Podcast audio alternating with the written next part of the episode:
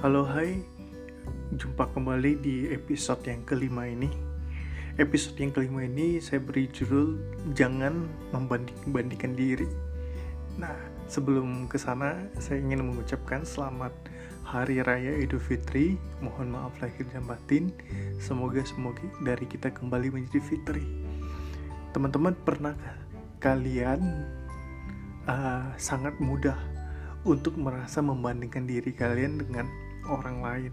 Apalagi kemajuan teknologi saat ini rasa-rasanya sangat mudah sekali untuk kita bisa membanding-bandingkan diri kita ke orang lain. Contoh, apa yang mereka punya dan apa yang tidak kita punya. Apa yang mereka sudah pergi atau yang kita belum pernah pergi.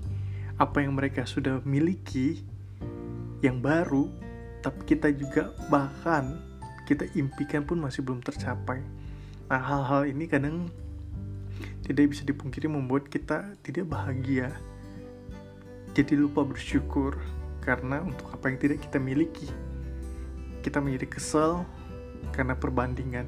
Kita membandingkan bagaimana bentuk hidung kita dengan hidung teman kita. Kita membandingkan tinggi badan kita, kita membandingkan berat badan kita, dan rasa-rasanya kita ingin menjadi seperti orang yang kita inginkan dan bukan menjadi diri kita sendiri. Ketika bercerita tentang membandingkan diri sendiri, uh, saya punya sebuah perumpamaan seperti ini teman-teman. Mungkin sebuah kisah ya. Jadi seorang kodok kecil itu datang ke papanya. Pada saat datang ke papanya dia begitu excited karena dia memberitahu papanya dia baru saja menemukan uh, sebuah binatang yang sangat besar sekali. Tapi si ayahnya bilang, e, kalau boleh tahu sebesar apa? Pokoknya besar banget deh ya si binatang itu dan saya kagum banget sama si binatang yang baru saya temukan itu. Akhirnya si ayah yang melihat anaknya begitu excited pengen menunjukkan sesuatu beranaknya. Jadi si ayah itu langsung membesarkan gelembung di lehernya. Apakah sebesar ini? Nah, kata anaknya bukan pak. Itu lebih besar lagi daripada gelembung yang di tenggorokan ayah. Terus si ayah itu nggak mau kalah. Dia tunjukkan lagi apa sebesar ini. Enggak ayah, lebih besar lagi daripada itu.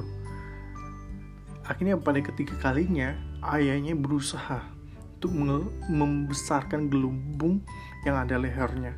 Dibesarkannya terus akhirnya sampai satu titik gelembung itu pecah dan si ayah ini mati.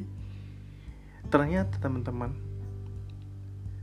yang dibandingkan oleh anaknya dengan gelembung leher yang ada di ayahnya itu beda jauh. Binatang besar yang dimaksud oleh anaknya itu adalah seekor kerbau dan teman-teman bagaimana mungkin sang ayah bisa membuat perbandingan dengan gelembung lehernya. Akhirnya konsekuensinya adalah kematian dari ayah kodok itu. Teman-teman tidak perlu merasa kesal karena kursi diduk, diduduki. Karena begitulah dia diciptakan.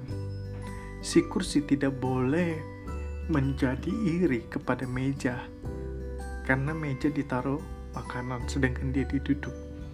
Kita harus paham setiap dari kita memiliki porsi kita masing-masing. Mempunyai tugas kita masing-masing. Ada yang diciptakan akhirnya harus diduduk. Ada yang diciptakan di tempat terhormat. Contoh tiba-tiba saya diciptakan sebagai sendal. Tentu saya tidak boleh iri kepada topi yang di mana kesannya, derajatnya itu saya beda jauh dengan orang tersebut.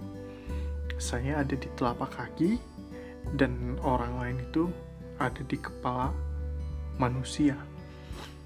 Ketika kita mulai membandingkan seperti itu, ada tiga hal yang bisa merugikan kita.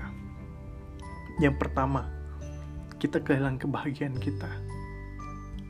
gimana mau bahagia kalau kerjaan kita mengeluh?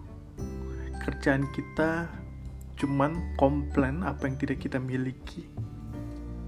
Yang kedua adalah kita tidak mampu bersyukur untuk hal-hal yang sudah kita miliki.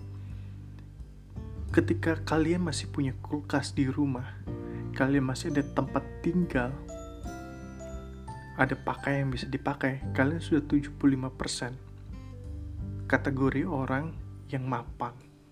Karena di luar sana 25%-nya adalah orang-orang yang homeless, yang tidak memiliki tempat tinggal bahkan tidak memiliki kulkas.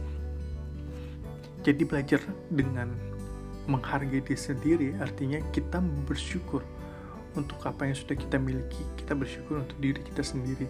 Tidak apa-apa pesek, asal masih punya hidung. Tidak ada tidak apa-apa kalau Anda masih punya badan yang gemuk. Artinya Anda masih memiliki makanan yang cukup untuk diri Anda.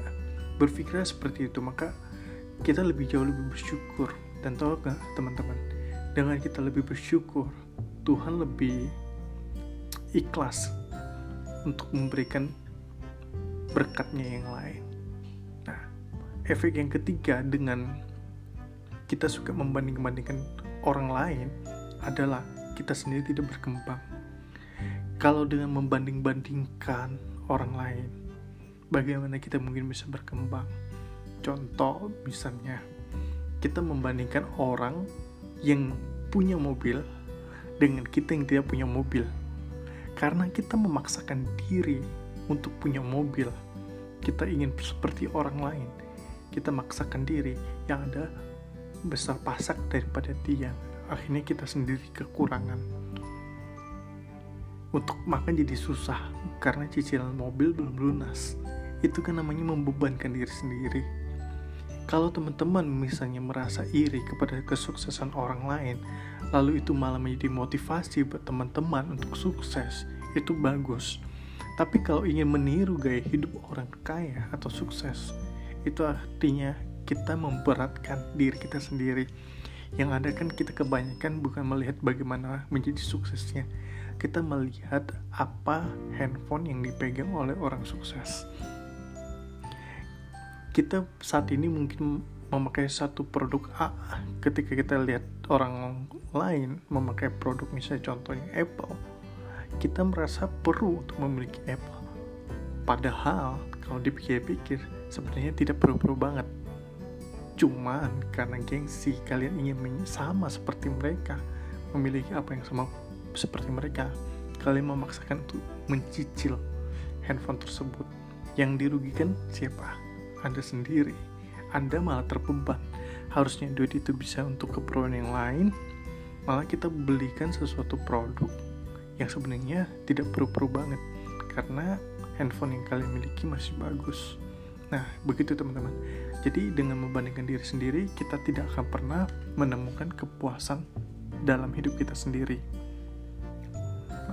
Dengan cerita ini, semoga teman-teman berhenti untuk mengeluh. Sebagai penutup, ada sebuah pepatah Arab yang berbunyi seperti gini. Kita mengeluh tidak memiliki sepatu, hingga akhirnya kita sadar ketika melihat mereka yang tidak memiliki kaki Belajarlah untuk tidak selalu melihat ke atas, tapi sesekali lihatlah ke bawah dan belajarlah untuk bersyukur. Terima kasih teman-teman, sampai ketemu di episode berikutnya.